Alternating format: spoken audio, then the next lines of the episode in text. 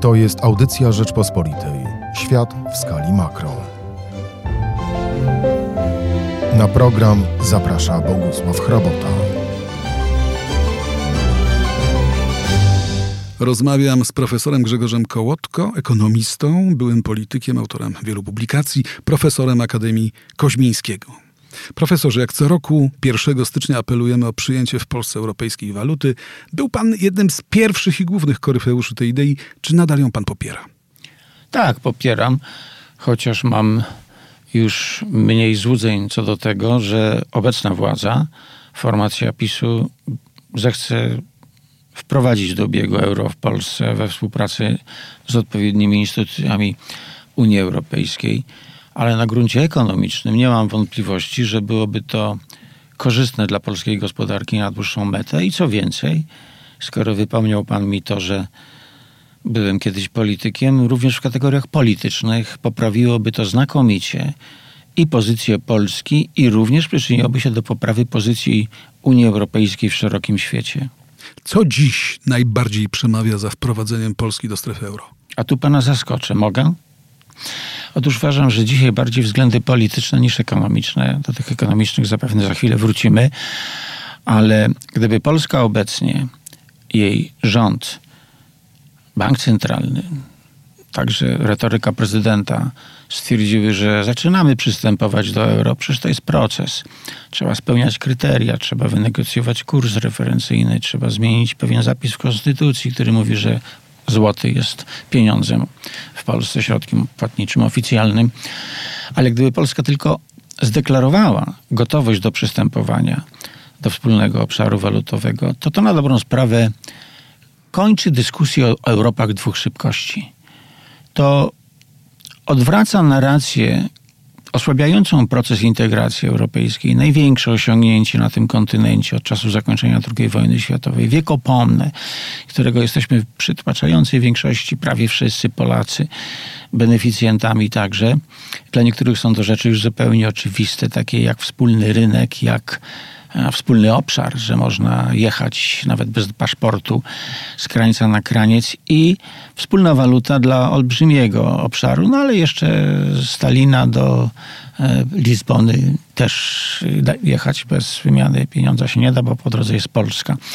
A więc to by skończyło dyskusję o Europach wielu szybkości, czy tak zwanej dwóch szybkościach, o tym, żeby był osobny ewentualnie budżet, czy pewne rozwiązania dla krajów, które są w euro i dla tych, które pozostają poza.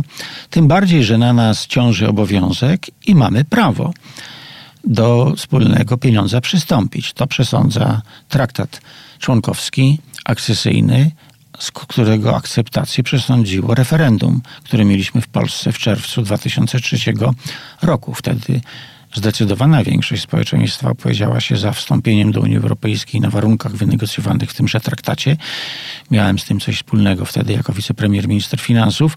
Jednym z punktów jest to, że Polska wchodzi do obszaru wspólnej waluty, jak będzie spełniała wszystkie kryteria ekonomiczne i to polityczne, o którym mówię, a więc odpowiednie regulacje w ustawodawstwie, poczynając od konstytucji. Natomiast wszystkie argumenty ekonomiczne, które No właśnie, jakie racje ekonomiczne dzisiaj przemawiają za wejściem do strefy euro? Cały czas główna racja ekonomiczna to jest to, że to eliminuje ryzyko kursowe. Polski pieniądz jest stabilny.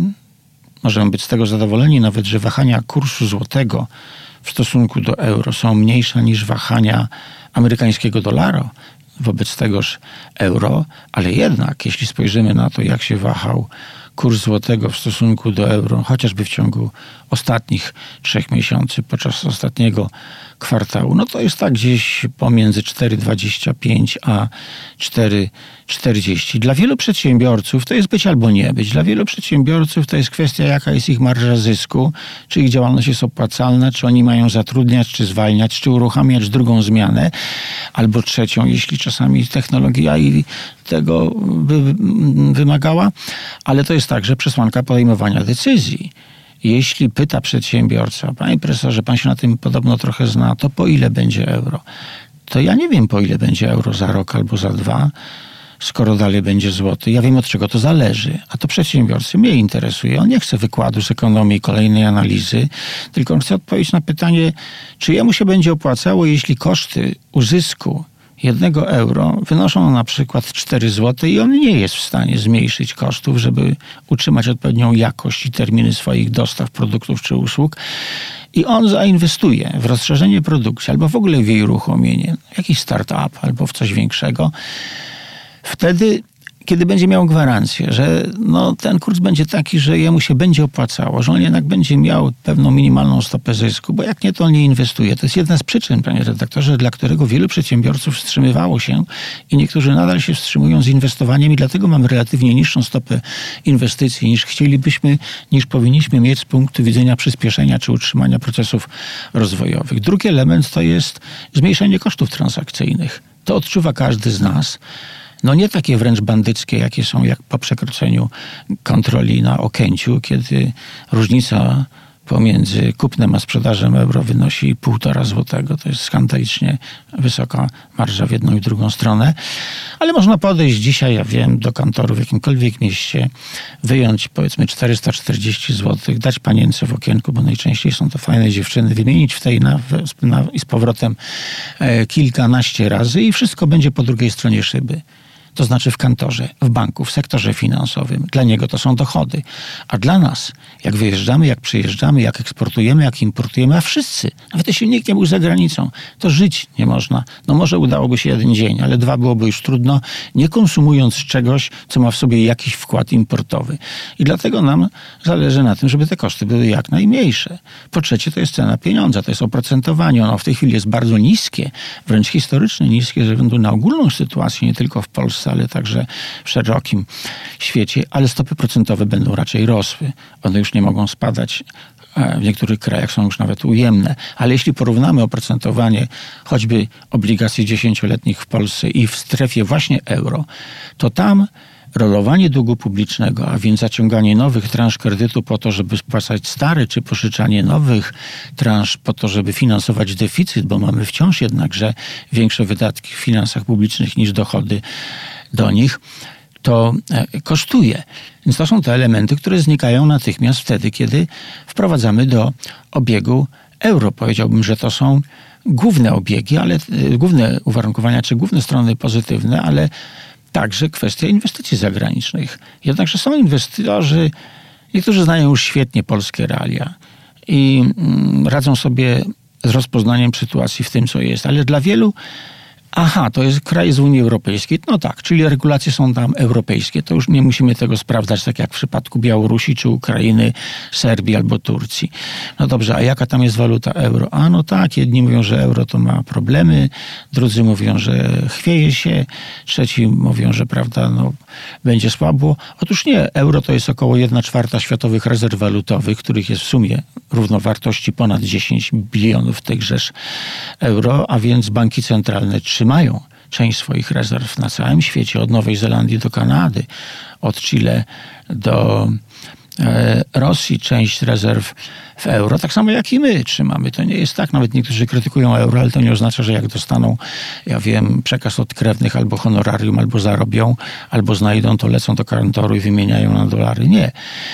Dla inwestorów wobec tego jest ważne i gdyby było w Polsce euro, to wzrosłoby zaufanie do stabilności polskiej gospodarki, a stabilność oprócz opłacalności projektu to jest główne kryterium decyzji inwestować czy nie. Czyli krótko mówiąc, gdybyśmy mieli euro w obiegu, mielibyśmy niższe koszty wytwarzania, wobec tego nieco niższa byłaby także inflacja, wzrost cen i mielibyśmy nieco wyższe tempo wzrostu. Dokładnie odwrotnie niż mówią to premier Morawiecki czy prezes Kaczyński, którzy powiadają, że właśnie e, jak nie mamy euro, to będzie szybszy wzrost i szybciej będziemy doganiać, ja wiem, Niemcy czy inne kraje od nas bogaciej rozwinięte. Otóż jeśli chcemy zmniejszać dystans do krajów bogatszych od nas, to łatwiej robić by to było mając euro, niż go nie mając. Dlaczego aktualna władza boi się euro? Nie wiem, ja tego do końca nie rozumiem. Sądzę, że bardziej z powodów subiektywnych, prestiżowych niż logicznych, bo na gruncie ekonomicznym, o czym możemy oczywiście dyskutować, bo e, wprowadzanie euro ma nie tylko dobre strony i to, to się wiąże z pewnym ryzykiem i z pewnymi kosztami, o czym za chwilę. Z punktu widzenia banku centralnego, a więc banku państwa, banku banków, banku emisyjnego, no to jest jasne. Ich rola staje się potem mikroskopijna. Przestają się liczyć, a tak to się bardzo liczą i mają duże możliwości pod wieloma względami. Także duży prestiż, duże dochody i, i inne czynniki na to mogą wpływać. W przypadku premiera e, Morawieckiego przypuszczam, że mm, podziela argumentację ekonomistów, ale jest niewolnikiem własnych słów. Albo dokładnie rozumie desperację w tej sprawie prezesa Kaczyńskiego, przywódcy politycznego tej formacji, który mówi nie, bo nie, a moim zdaniem nie rozumie istoty tego. I to się trochę bierze z takiego psychologicznego zacietrzewienia, że ta grupa ludzi, no przecież wykształconych, niektórzy z nich, e, Morawiecki na pewno, Kaczyński na pewno nie, znają jednak trochę ten świat. Oni uważają, że to zwiększa naszą suwerenność. A są bardzo sceptyczni, jeśli chodzi o dzielenie się tą suwerennością z innymi. W tym przypadku. Czyli własna waluta wzmacnia suwerenność. No tak, no to jest polski pieniądz. No my, to, my tu rządzimy. No nie będzie nam mówił ktoś w Brukseli czy w jakimś banku centralnym we Frankfurcie, gdzie duże są wpływy jeszcze w dodatku tych Niemców, tych Francuzów, jaka ma być polityka. Tylko panie redaktorze, sprowadzając rzecz na grunt racjonalnej dyskusji, to ta, po pierwsze ta polityka Europejskiego Banku Centralnego jest bardzo dobra albo nawet więcej niż dobra, jeśli nie bardzo dobra, w ostatnich latach. Trudno krytykować to, co robił Draghi, jeśli chodzi o sterowanie polityką monetarną w niełatwych warunkach. I z tego punktu widzenia nie obawiam się niczego poprzez oddanie części, oddanie suwerenności nad polityką monetarną do Frankfurtu, gdzie jest Europejski Bank Centralny.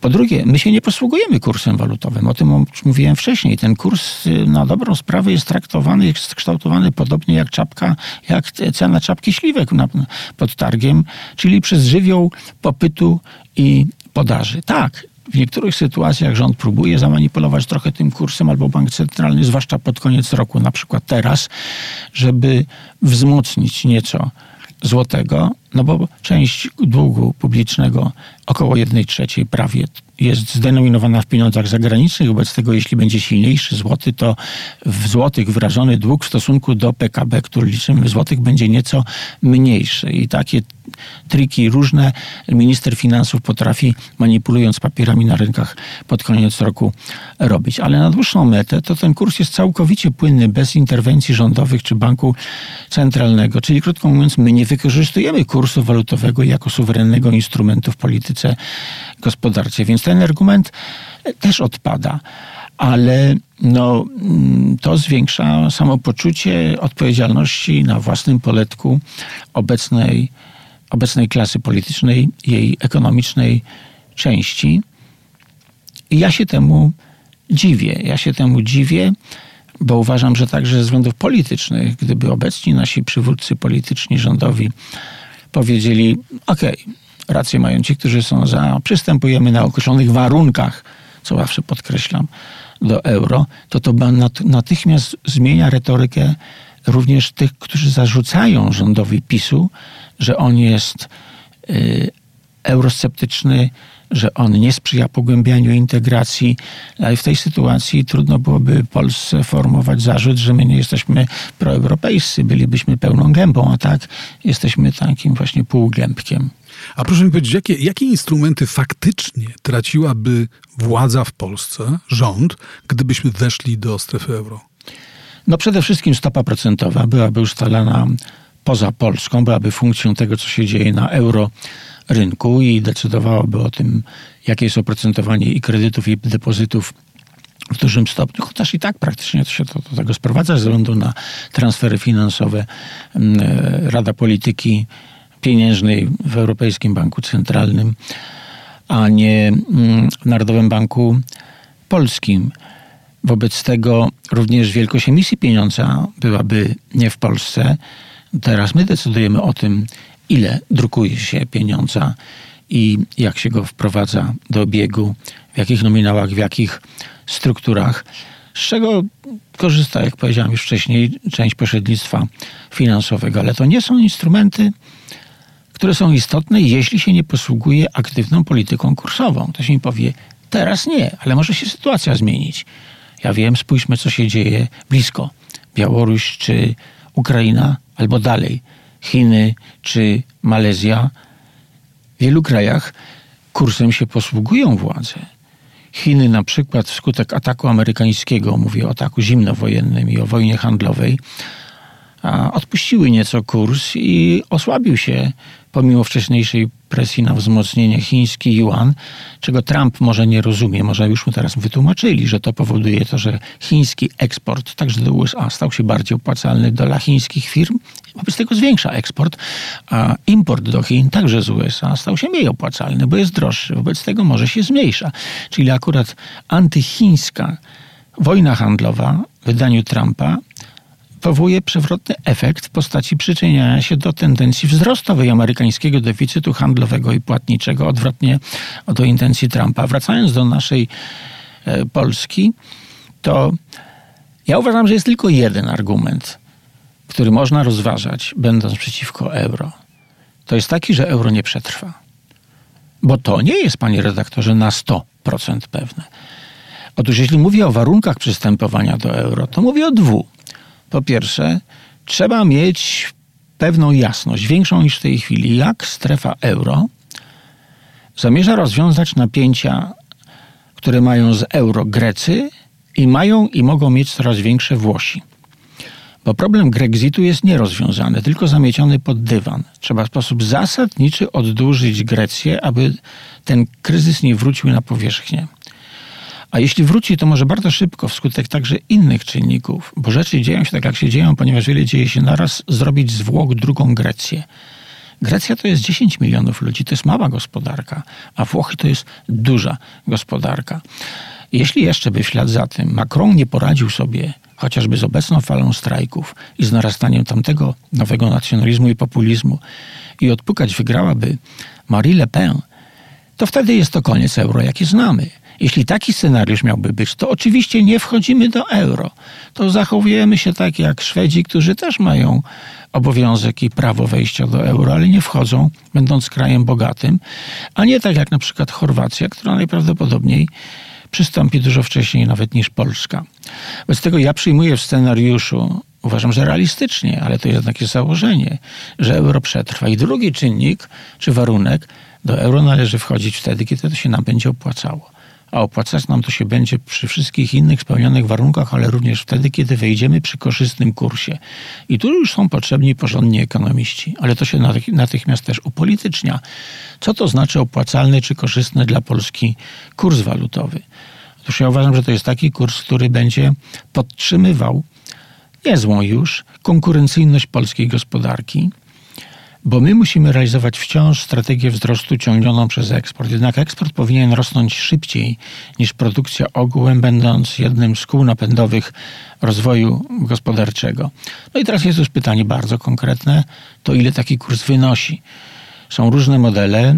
Jeśli do tego, do tej fazy dyskusji dojdziemy, to będziemy słyszeć najprzeróżniejsze wyliczenia różnych analityków, fachowców i pożelcie fachowców, to jest y, też coś, co opiera się na różnych założeniach. Mm, upraszczając, powiedziałbym, że ten kurs jest bliski 4 zł. I tylko po takim kursie przystępowałbym do euro, natomiast będzie silny nacisk ze strony naszych partnerów, którzy do Polski eksportują, żebyśmy weszli z jak najsilniejszym złotym, dlatego że wtedy ich eksport do nas będzie dla nich opłacalny, a dla nas będzie droższy. I odwrotnie, ktoś powie, to w takim razie wejdźmy ze słabszym. No nie, no nie możemy wchodzić z euro na przykład 5 zł za 1 euro, bo to by nam bardzo mocno pchnęło koszty importu, zarówno zaopatrzeniowego, jak i konsumpcyjnego dóbr finalnych. To by nakręcało inflację. My musimy znaleźć jakiś złoty środek. Na razie, jak my sobie tutaj gadu-gadu, panie redaktorze, to możemy mówić, że to jest między a między, to jest od do. Może ktoś powiedzieć tak między 3,8 a 4,2, no ale to się nie na wiele przydaje, bo jak będziemy wchodzić, to musimy wejść z dokładnością drugiego miejsca po przecinku, a nie tak około od do. To będzie punkt. I to musimy mieć zagwarantowane. Wobec tego, jeśli euro przetrwa, jeśli Polska może wejść z kursem, z kursem korzystnym, to należy to czynić, choć sądzę, że po obecnej władzy raczej tego spodziewać się nie można, po tym, co już nieraz powiedziała. Często słyszę od premiera Morawieckiego taki, takie określenie, takie stanowisko, że narodowa waluta zwiększa bezpieczeństwo państwa, zwłaszcza w, w momencie kryzysów, załamań. E, czy pan potwierdza to stanowisko? Nie. To znaczy, to nie jest nie, no ale od razu trzeba mówić ale.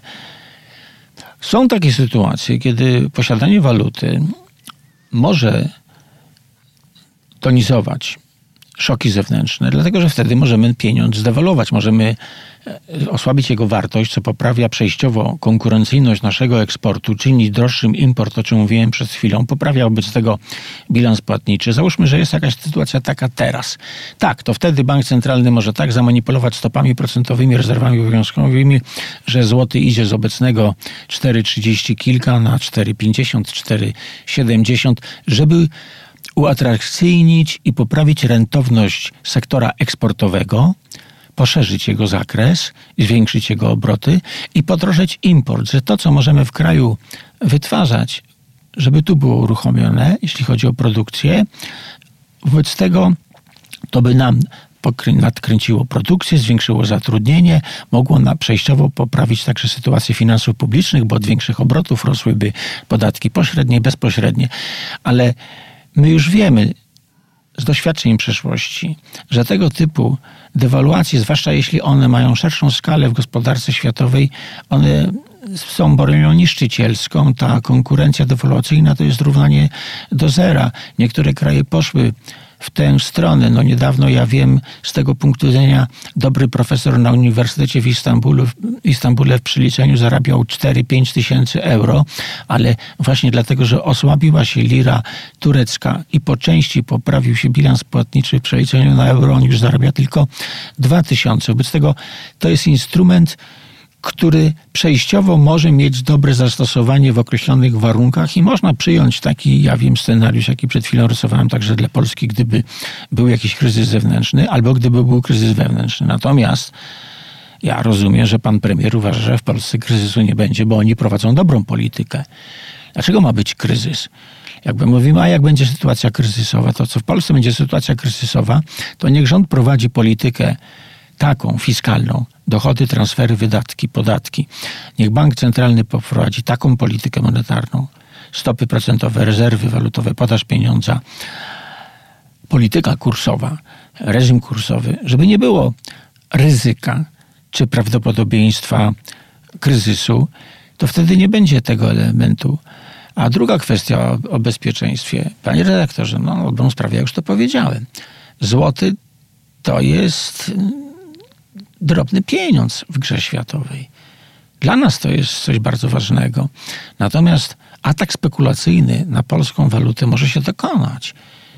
Wystarczy, że się zmówi kilka wielkich światowych, no głównie amerykańskich funduszy hedgingowych. W Polsce się dyskutuje, są jakieś problemy polityczne z Trybunałem jakimś konstytucyjnym, coś tam słyszałem o jakimś Sądzie Najwyższym, oni nie odróżniają, prawda, naszego Sądu Najwyższego od e, ich Supreme Court, który w USA jest właśnie odpowiednikiem Trybunału Konstytucyjnego. Ta Polska to nie jest jeszcze Ukraina albo Turcja, no ale to też nie są Niemcy albo Austria. Wobec tego może właśnie by coś pospekulować, bo znowu budżet jest, bo jest nowy rząd, bo naobiecywali zrównoważony budżet, co jest nonsensem, bo takiego budżetu nie będą w stanie zrobić. To za zaatakujmy i pospekulujmy. I takie procesy trwają, i być może, że te wahania kursowe, o których mówiłem, są w jakimś stopniu właśnie funkcją nie zmian strukturalnych, tylko tego typu ruchów spekulacyjnych, i one są dla nas bardzo kosztowne. Tylko ludzie przeciwko temu nie protestują, choć koniec końców przenosi się to na ceny detaliczne, bo tego nie widzą, dlatego że to dokonuje się dopiero po kilku okrążeniach. Jak rosną ogólne koszty produkcji, liczone w rachunku ciągłym. Wobec tego, jeśli mówimy o bezpieczeństwie ekonomicznym, no to przecież nie ma lepszej odpowiedzi na to, jak ją zapewnić, jak właśnie wejść do euro. Nikt nie jest w stanie zaatakować spekulacyjnie euro, nawet gdyby była miłość w, w, miejsce niechęci amerykańsko-chińskiej i powiedzieli, że przejadą się po tym euro, to ich na to nie stać. Euro to jest relatywnie potęga, to jest pieniądz światowy, w którym, jak wspomniałem, jest przechowywana około prawie 1 czwarta rezerw światowych. Z tego, jeśli chodzi o bezpieczeństwo polskiej gospodarki przed zawieruchami tego wędrującego świata, także ryzykiem kolejnych kryzysów finansowych czy ekonomicznych, to najlepiej i najprościej zwiększyć to bezpieczeństwo, przystępując przy korzystnym dla naszych przedsiębiorców i konsumentów kursie do wspólnego obszaru euro i mając konsekwentnie także, konsekwentnie także wtedy swojego przedstawiciela w Radzie e, Polityki Pieniężnej w Europejskim Banku Centralnym, czyli jakiś pewien wpływ no, proporcjonalny do znaczenia naszej gospodarki w ramach obszaru euro będziemy mieli. Dlatego łatwiej, uważam, że trzeba ułatwiać panu premierowi, jego ministrom, ich zapleczu politycznym dyskusję na ten temat, bo czasami wiem, że w polityce trudno jest wycofać się z tego, co się już powiedziało. A dobra polityka polega także na tym, panie redaktorze, że ktoś potrafi wycofać się z tego, że pomylił się albo popełnił błąd. A rząd, nie wchodząc do euro, myli się i popełnia błąd. I jak się z tego będzie wycofywał, czego mu życzę i radzę, to należy go w tym poprzeć, a nie krzyczeć, że co innego mówiliście teraz, a co innego będziecie mówili jutro. Jeśli od poniedziałku będą następnego mówić, że wchodzimy do euro, to ja powiem mi bardzo dobrze. Użył pan wielokrotnie słowa kryzys. To jest kolejny argument, którego się używa przeciwko wejściu do strefy euro, ponieważ w tejże strefie euro był albo jest permanentny kryzys. Czy jest? Są trudności, są napięcia, ale nie powiedziałbym, że to jest permanentny kryzys. Ja nie wracam do początków euro, bo euro jest faktem. Mogę prowadzić dyskusję akademicką, czy w rzeczywistości należało w taki sposób w tym czasie powołać takie euro. Bo euro powstało jednak na terenie, który nie jest tym, co nazywamy w teorii optymalnym obszarem walutowym. Tak, to był zasadniczo projekt polityczny, aby uczynić z tej części kontynentu rozwijającej się, rozszerzającej się coś tak wspólnego, żeby tylko dobra wspólna przyszłość mogła być przed nami. Wobec tego przystąpiły różne kraje, niektóre nie spełniając kryteriów, które u zarania były ustanowione. Przymrożono oko trochę na Włochy, z pewnością 2-3 lata później, gdy przystępowała Grecja, w sposób oczywisty dane greckie były zafałszowane, o czym wiedziała Bruksela i Frankfurt, Paryż, Berlin, Wiedeń i inne stolice, ale ze względów politycznych tę Grecję, która potem tyle problemów stwarzała i wciąż stwarza, e, przyjęto ale ja jestem realistą. Ja nie dyskutuję o tym, żeby rozmontować to, co nie było idealnym dzieckiem miłości we właściwym czasie i donoszone, dlatego że ono już istnieje. I dzisiaj jest pytanie takie, czy przystępować do istniejącego euro, czy nie. No tak, są w nim pewne pęknięcia. Wobec tego, jeśli są, to niech Polska nie czeka na to, aż się z tego zrobi, ja wiem, coś na wzór idealnego rozwiązania, jakie mamy w jednym, jedynym kraju, bo na to się nie zanosi, bo to musiałaby być Europa Stany, taka jak Stany Zjednoczone co najmniej.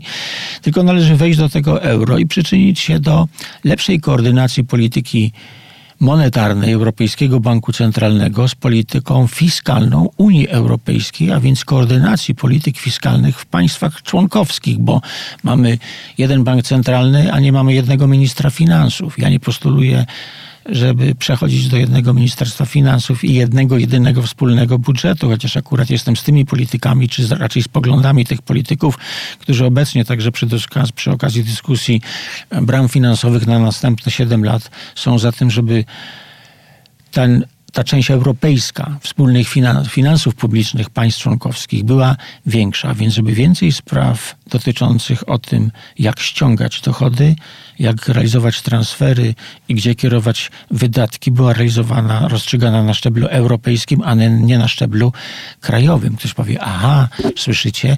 No tak, on jest za dalszym osłabianiem Warszawy polskiej stolicy, polskiej polityki. Otóż nie, ja jestem za wzmacnianiem, bo ja uważam, że to będzie wzmacniało ekonomiczne, materialne podstawy naszego bytu, naszego życia, konkurencyjność naszych przedsiębiorców i standard życia, dobrobyt naszych gospodarstw domowych. Wobec tego to jest bardzo patriotyczne, tylko dba, zadbać o to trzeba we wspólnocie europejskiej. Co potrafimy robić? Na przykład ja wiem, jak chcemy, żeby jak najwięcej dostać z budżetu wspólnego europejskiego, czego nie potrafią robić rządy jak dotychczas. Zresztą nie tylko ten. Poprzednie rządy Platformy Obywatelskiej miały więcej czasu niż ten, żeby wprowadzić Polskę do Unii Europejskiej i też tego nie potrafiły zrobić.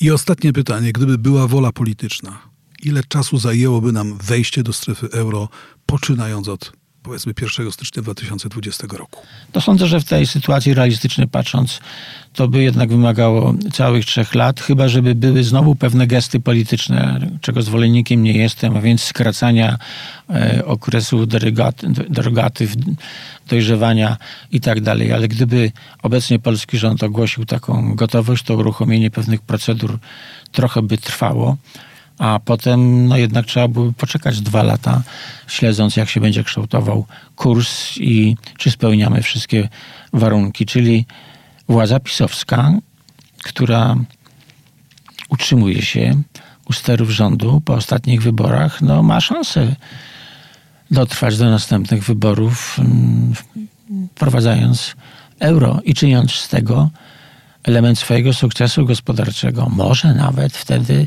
jeszcze więcej ludzi by za nimi zagłosowało w naszych wyborach. Może ktoś tak pomyśli w kręgach politycznych Prawa i Sprawiedliwości, że następne wybory w Polsce, następna kampania w Polsce finansowana będzie już w euro. No byłby to przewrót kopernikański, ale ja osobiście sobie tego życzę. Uprzejmie dziękuję. Naszym gościem był Grzegorz Kołotko. To ja dziękuję.